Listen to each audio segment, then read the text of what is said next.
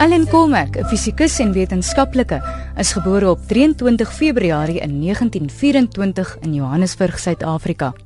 Colmack deel die 1979 Nobelprys met Godfrey Newbold Hansfield vir sy aandeel tot die ontwikkeling van die CT-skandeerder. Colmack wou aanvanklik sterrekunde studeer, maar destyds was die vooruitsigte van 'n volhoubare loopbaan in sterrekunde nie so belovend nie. Hy volg in sy pa en broer se voetspore en besluit om elektriese ingenieurswese aan die Universiteit van Kaapstad te studeer.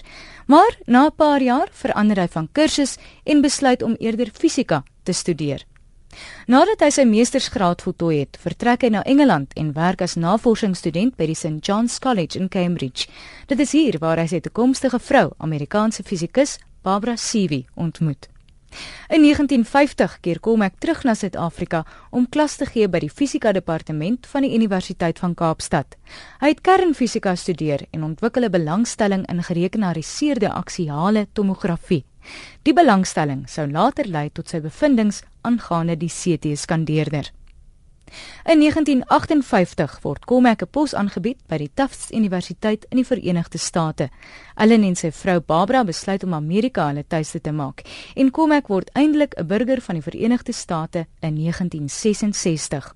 Hy word aangestel as die voorsitter van die fisika departement by Tufts in 1968 en behou die posisie tot in 1976. Colmack se fokus was steeds op fisika, maar hy doen deeltyds navorsing oor ekstra tegnologie.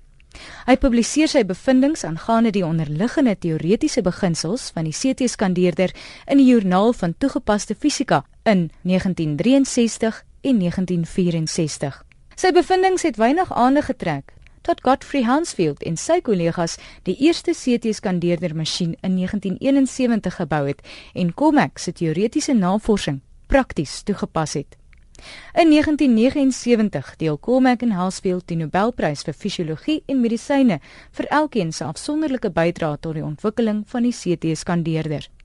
Alan Colmack gee sy Nobellesing op 8 Desember 1979 by die Karolinska Instituut in Stockholm. Hy bedank sy familie vir hulle ondersteuning. On the domestic side are my parents now deceased and my immediate family. Uh, my wife Barbara and our three children have not only put up with me, uh, they have done so in a uh, loving and supporting way for many years. Uh, to these uh, people and to others unnamed, I will be uh, grateful for as long as I live. Thank you.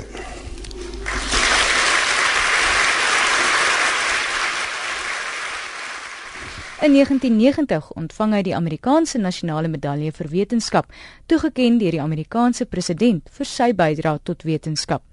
Colmack is oorlede in Massachusetts op 7 Mei 1998 op die ouderdom van 74. Op 10 Desember 2002 word die Orde van Mapungubwe, Suid-Afrika se hoogste toekenning, postuum aan professor Allan Colmack toegekend vir sy bydrae tot die ontwikkeling van die CT-skandeerder.